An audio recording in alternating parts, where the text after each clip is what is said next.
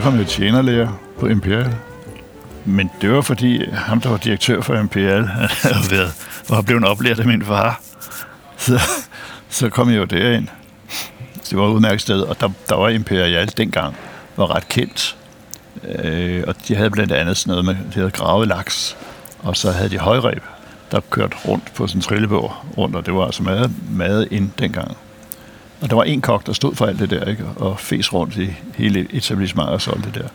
Men der var det sådan, at, at øh, når man nu er elev, øh, så giver gæsterne mange gange jo drikkepenge, også mest til eleverne, så de lægger drikpenge på bordet. Men i og med drikkepenge, når de bliver lagt på bordet, så tilfalder det den tjener, der har den stilling. Og sådan en tjener kan jo have flere borgere, ikke? men det var også elever, der fæs rundt og skulle servere og hente og rydde af osv. osv. Og så kom der også en del af mine forældres bekendte og en del gæster fra Tivoli og fra Divan 2, der også kom derovre. Og der var jeg altså ret hurtigt til at gå og fortælle dem alle sammen, at hvis de gav drikkepenge, så skulle de give os med hånden, fordi ellers fik tjener dem. og det skabte jo meget en moro, undtagen hos tjenerne, fordi de synes, det var en værre egentlig. Men de så skulle ikke rigtig sparke til mig, fordi, fordi vi var godt klar over, at hvis de skulle ind i Tivoli, så var det altså ikke så godt at have lagt sig ud med sønnen, fordi man tog. så det var meget skæg. Det var en skæg tid, det må jeg om. Det var det. Det var det. Og for ikke skulle fisten af fra mad i mine fridage, så fik jeg lov til at arbejde i divan. Mit første møde med vinverden, det, der var jeg to år. Og der skulle min far og min onkel, de skulle fejre, at mine søstre var blevet født. Så det fejrede de med en god flaske et eller andet. Om det var Chateau Cheval Blanc eller et eller andet, det ved jeg ikke. Det var også ligegyldigt. Så det skulle jeg også have. Og så fik jeg det altså forkert i halsen, så jeg var ved at krampere. Det var ikke så heldigt. Øh, det var min start øh, på min verden. Øh, men vi havde jo altid hos os drukket vin, og i hvert fald smagt madvin, fordi der skulle altid hvert år skulle der jo smages nyt vin og købes ny vin. Og der, der, der blev solgt madvin, det blev købt hjem i, i ret store partier. Og det blev købt hjem til, det var både Kjær Sommerfold og Lorens Petersen, som vi handlede med, og de købte hjem, og de lå jo, hvad hedder det, sådan noget, altså de, var ikke band, de blev først banderoleret, når vi bestilte hjem for dem. Ikke? Der havde de jo sat sig på en masse vin ned fra de forskellige vinslotte. Og det var også de forbindelser, der gjorde, at jeg kom derned sidenhen. Ikke? Så vin har også haft en stor interesse. Øh, og det var som også et... Ja, i og for da vi øh, havde dro, altså, været vant til alt det her, at drikke vin og så videre, så lå det jo også, og det skal du, når du er inden for den her branche, der skal du vel også vide lidt om den sag. Og det gjorde jo også, at, at jeg øh, for det første kom til Lorens Petersen, var inde hos Lorens Petersen på et tidspunkt. Øh, men så kom også øh, til Frankrig hos Calvé. Så var jeg også i køkkenet inde i divanen. Og så var jeg blevet sendt ud. Så blev jeg jo sendt til udlandet. Først ned til Frankrig, til Tours, hvor jeg skulle lære at tale fransk. Der var sådan et, et universitet for udlænding. Og det gik, det gik vist nogenlunde. Men så kom jeg til, og så var det, jeg kom, efter det kom jeg til bogen øh, hos Calvé. Både i Bourgogne og i Bordeaux. Øh, og arbejde med vinen, og smage på vinen, og øh, der vi i, det var på Grønne, når vi, der var jeg med til at høste. Og den person, der var hurtigst til at høste, 182. Og der var vi to. Det kunne vi altså ikke lade os sidde på os, så vi blev nødt til at arbejde hurtigt og kunne følge med hende. Men det var sådan en dame, der havde altså hele sit liv været ude og høste, været med til at høste. Ikke? Og det der, ja, og de vidste utrolig meget om vin, de her mennesker. Og de sagde alle sammen, at de vidste ikke noget. Men det gjorde det jo altså. Og de vidste, hvad det var for noget vin, og den vin kom derfor. Og der havde Calvé øh, små eller store lodder helt inden fra Dijon og ned til Beaujolais. Så vi høstede hele den vej. Altså. I kørte rundt i lastbiler med alle vores fornødenheder. Hvis det var i nærheden af, af hvor, hvor de boede, og, og, og kælderne lå, så kørte vi hjem og spiste frokost der. Men ellers havde vi det med på lastbilerne, og så havde vi mad med på lastbilerne, og ja, vin selvfølgelig. Og dagslønnen, det var i hvert tilfælde, jeg tror det var 3 eller 5 liter vin, man fik om dagen. Men jeg havde jo ikke noget, noget sted at køre af det, så, så det måtte jeg undvære. Men de andre var ret taknemmelige for det. Det var, meget, det var meget spændende at se og være med til det, og også når det blev presset. I gamle dage var, præ, var, var filtrene de var jo ikke så tætte, så der røg jo en masse smulder med, ikke, som vinene lå og udviklede sig på. Det var også derfor, at de kunne holde sig meget længere. Det var længere om at udvikle sig, og man havde råd til at lade dem ligge og udvikle sig. Der blev det hele jo sprøjtet igennem, ikke? Det oplevede jeg, oplevede kældrene i, i, øh, i, i bogen, der havde Calvé, tror noget med to eller to og en halv hektar kælder under, under bogen. Det er også et ret stort område, hvor de havde sådan en lille tipvognstog, eller tiptog, eller sådan tog, kørende rundt derinde, og der lå flasker over derinde. Og der har jeg jo arbejdet i de her kælder. Der var altså mørkt, skal jeg sige.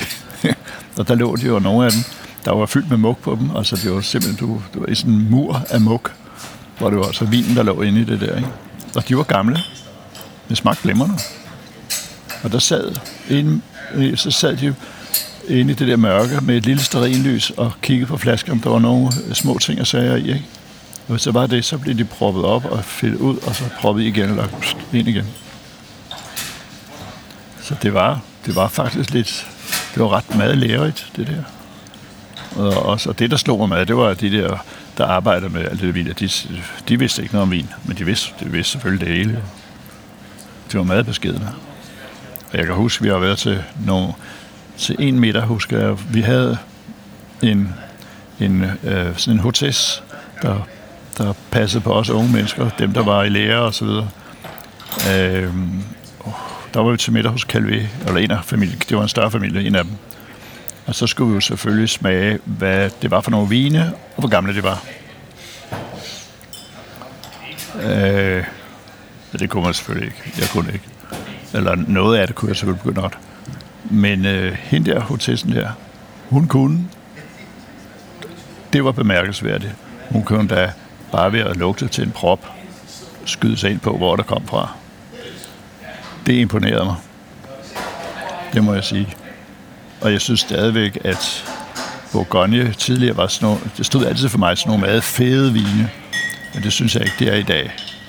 Øh, men, men, og det har nok noget at gøre med, at det skal hurtigt over disken, øh, kunne jeg forestille mig, og så videre. Ikke?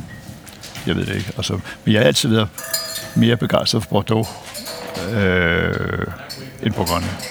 Og øh, ja, der er en speciel smag i Saint-Julien har det, og Saint-Estèphe og Pauillac, de har nogle, nogle skønne smag, og Saint-Emilion og har noget skønt, som jeg godt kan lide i hvert fald. Og efter det kom jeg til Schweiz hos Møvenpik. Og det var, det var meget lærerigt, det må jeg så sige. Der var jeg både i køkkenet øh, som kok og som tjener efter, efterfølgende. Jeg var i Lausanne. Det var vist nok den 9. eller 10. Møvenpik, de havde der. Øhm, de havde også noget, der hedder øh, Silberkugel. Øh, men det var sådan nogle små, hurtige restauranter. Øh, og det er også der, at Cyril Blanc blev lavet lidt for at kigge på dem, ikke? Øh, og det var meget populært dengang, og, og det var dygtigt, meget dygtigt drevet, det der. Men det er jo alligevel en, en, der er en anden hakkeorden.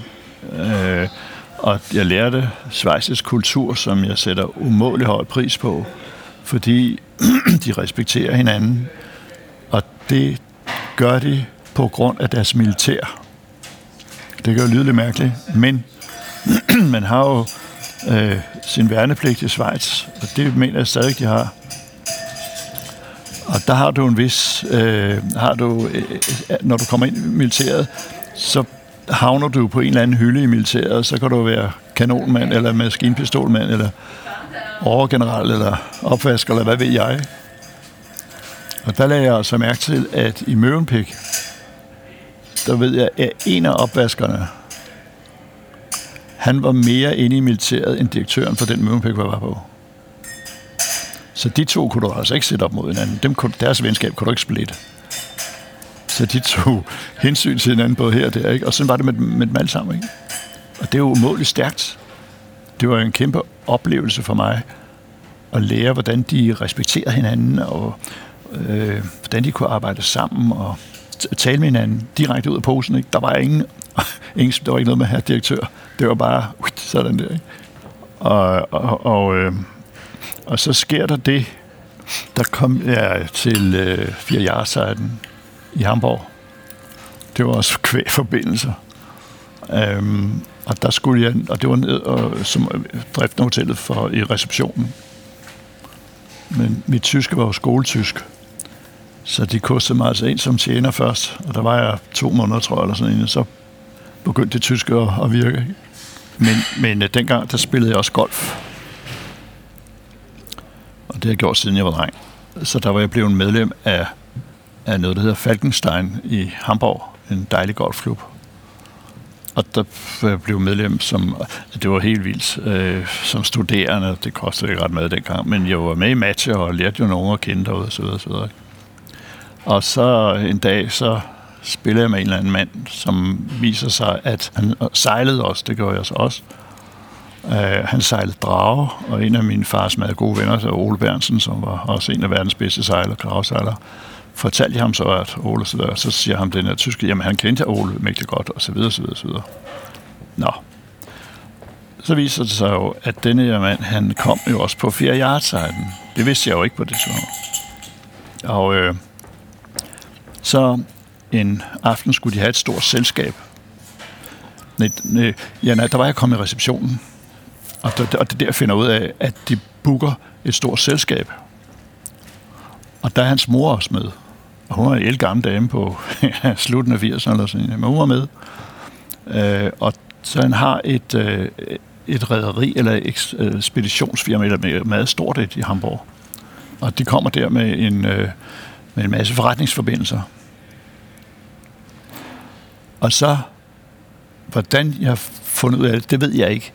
Men hans mor, hun bliver ført ind i restauranten og bliver placeret først derinde. Og så har jeg altså fundet ud af, hvad det er for nogle cigaretter, hun ryger.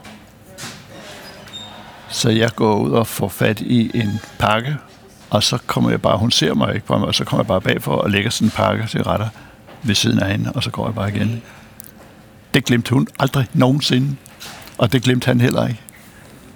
Øh, og, øh, det havde jeg lært blandet af en af vores gamle tjenere. Han kunne huske sådan nogle små ting og så videre. Ikke? Gamle Palle, som har fulgt mig hele mit liv.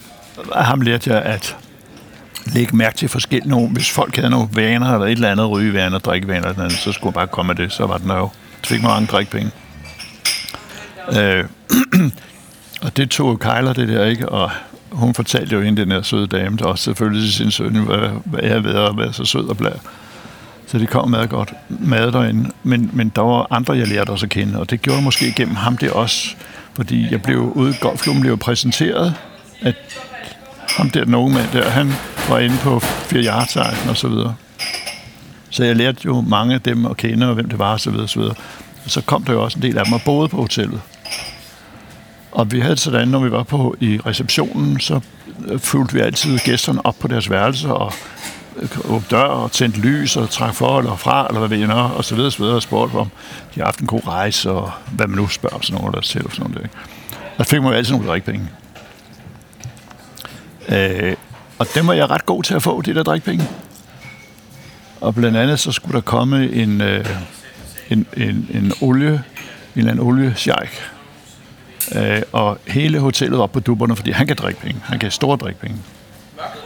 Og så ville skæbnen, at, at vi var kun nogle få nogen i reception den aften.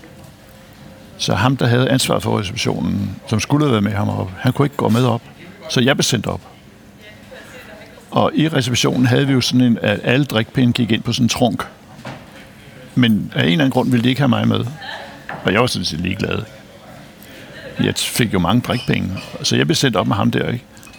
Og så fandt jeg ud af, at han var norsk. Så vi kunne slet ikke stoppe med at snakke sammen. Og da jeg så går ud, så stikker han mig jo øh, en drikpenge, og så kunne jeg godt mærke, at det var en seddel, men det var ret tyk, og jeg vidste jo ikke, jeg, det kan jeg huske, jeg synes, en 100 mark seddel. Altså det er i 70'erne, i begyndelsen af 70'erne. Så synes jeg, at han har skulle have taget fejl, stakkels nordmand. men det havde han ikke. Og jeg skulle lige til at gå ind i værelset igen og sige, at man ikke har fået Så kom ham gepæktrækkeren løbende med hans kuffert, og han råbte bare til mig, nej, nej, nej, nej, nej, den er god nok, den er god nok. Så det var mange penge. Men ham der med gepæktrækkeren, han kom også ud med en hund. Og da jeg så kom ned i receptionen, ikke, så spurgte ham den der mig, om, om jeg nu havde installeret ham ordentligt. Ja, ja.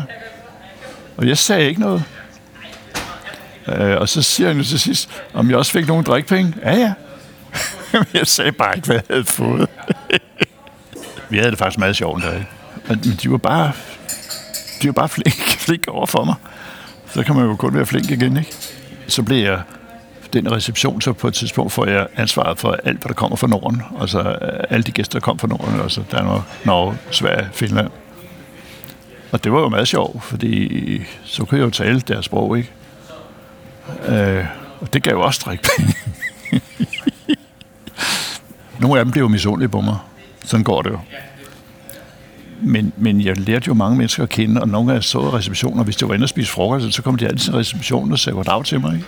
Vi sagde jo ikke goddag til de andre, som jo havde jo en højere stilling, vel? Det var til mig. En lille lort der. Og så var jeg jo ikke så lille, men alligevel stor lort. men, men, øh, og så er der øh, dem, der har øh, Grønne Jar, et stort bladforlag dernede. Ikke? Der lærte jeg sønnen at kende. Og han var ikke helt almindelig. Han kom der også en gang imellem, ikke? Og, han, og jeg havde jo fortalt ham nogle historier, hvordan det var det her, ikke? Så han gjorde, hver gang han kom, så gik han direkte hen til mig, og hvis jeg ikke var der, så spurgte han efter mig, bare for at drille dem. Tidligere, så havde der været to mænd i receptionen. Og, og de har måske haft nogle elever også, det har de nok haft, ikke? men der var to, der styrede den reception. Den ene havde bygget en ejendom i Heidelberg, og den anden havde bygget en ejendom i Hamburg for deres drikpenge. Det siger jo lidt om størrelsen af drikpengene, kan man godt sige. Ikke? Og mange af gæsterne, de fik jo præcis, hvad de ville have. Så skulle bare bede om det. Så skulle vi nok sørge for, hvad det Vi havde vores forbindelser, ikke? så fik de jo alt. Og vi fik drikpenge. Det var en kæmpe oplevelse. Kæmpe. Og hele den verden, en kæmpe oplevelse. Ikke? Og de, og de var så glade. Han fortalte mig, at tidligere, der kom jo mange af de der, også det var oliefolk og så videre. Og når der kom sådan en eller anden olieamerikanere, olieamerikanere, eller det kan også være araber, eller hvad der pågår, og skulle have vekslet nogle penge om til 1000 mark, eller hvad det var for noget, ikke? så fik de det samme drikpenge. Det var fuldkommen ligegyldigt. Fordi, jamen, de gjorde det, fordi det blev behandlet så godt af dem. Det har jeg lært meget af. I Schweiz lykkedes det mig også. Det var også mærkværdigt. Øhm, og fordi, fordi Schweizerne er altid ry for at være meget lukket. Jeg kunne åbenbart åbne dem lidt. Jeg kom til skade med min hånd dernede i Schweiz. Så den blev syet, eller der var et eller andet, ikke? så jeg kunne ikke rigtig komme på arbejde nogle dage. Så var der en fra Zürich, han spurgte, om jeg ikke ville med hjem i weekenden, eller et par dage, han havde fri, ikke? og så om jeg, jo jo, så jeg tog med ham hjem. Jeg kendte jo ham, jeg kendte jo ikke hans familie. Så kom jeg hjem, og så kom jeg hjem til sådan et hus, der var lidt større end et hus. Øh, men hans mor var desværre død for år tilbage, men hans far levede der. Og de havde også en husholderske. Og det, som ligesom printede sig lidt ind i min hukommelse, det var, at hun havde lige fået en ny bil, som var mægtig god at, at køre ind, når hun skulle købe ind. Det var en Maserati. Okay, okay. Men de var utrolig søde, og jeg fandt en reservemor i, i Lausanne, men det, det var tilfældigt ud golfklubben. Der bliver medlem derude, lidt under falske forudsætninger, men alligevel. Og, øh, øh, og det var, at jeg skulle betale 200 frank om året. Så kunne jeg blive fuldtidsmedlem, og jeg fik skab, og jeg fik håndklæder, jeg fik skopusninger, jeg fik det hele, og min golfkønner blev sat frem, når jeg bare viste mig derude, ikke? og hvis jeg ikke brugte den, blev det sat tilbage igen, og altså, sådan var det. Men, men, og jeg havde betalt 200 frank, jeg var 19 år, ikke? så eller nej, 20. Det var jo meget fint, ikke? Og så var der en, en del unge mennesker derude, og de skulle tage sig af mig. Og så sidder vi der ovenpå en dag, og så kommer der nogen gående op ad trappen, og de taler dansk. Jeg vil ikke tale dansk. Så der er en af dem der unge mennesker, de springer op, da de hører, der kommer nogen der og siger, at øh, de sidder med et af de nye medlemmer, han kommer fra Sverige. Jeg tænker, ah, det er jo lige at stramme lidt, så jeg måtte fortælle, at jeg var dansk. Og hun kom, den her dame, med sin søn. Og det viser, at hun var blevet alene. Øh, og så viser det sig, for at det ikke skulle være løgn, at det var en af mine gamle, min mors gamle syveninder, da de var helt unge, og jeg kendte hende overhovedet ikke. Så hun blev en form for plejemor, eller reservemor, eller hvad man skal sige, øh, for mig dernede. Og der, den familie kom jeg selvfølgelig lidt ind på. ikke dårligt, vil jeg sige. Ikke dårligt, for de gik ud og spiste hver eneste aften, og jeg kom med. altså, hvis jeg havde lyst. hendes forældre levede, og, og så hende og hendes søn. Og sønnen, han blev sendt til Danmark. Hendes mand, han havde været inden for militæret her i Danmark. Øh, så sønnen blev også sendt til Danmark og skulle aftjene sin værnepligt. Og udover det, så lavede han ikke en pind. Og, og hvis han ikke fik penge fra sin mor, så gik han ind til morfar og sagde, kan ikke Og det var hun rasende over, men nå, sådan var det. Øh, og det er sjovt, at, at denne her, hendes far, han kom fra Holland, og han havde en god ven i Holland. De var vokset op sammen, de, den her gode ven af ham. Og øh, de havde begge to fået en god idé, hvad de ville lave. Og ham her, morfaren der, han ville lave tændstikker. Og den anden, han ville lave lyspærer, blandt andet. Og den anden hed Philips. Og øh, ham her med tændstikkerne, det blev altså et eller andet kæmpe øh, tændstikfirma, som, som jeg ved ikke, hvem der ejer det nu, om det er svensk eller et eller andet, men det er kæmpestort, som man så havde solgt. Ikke? Så.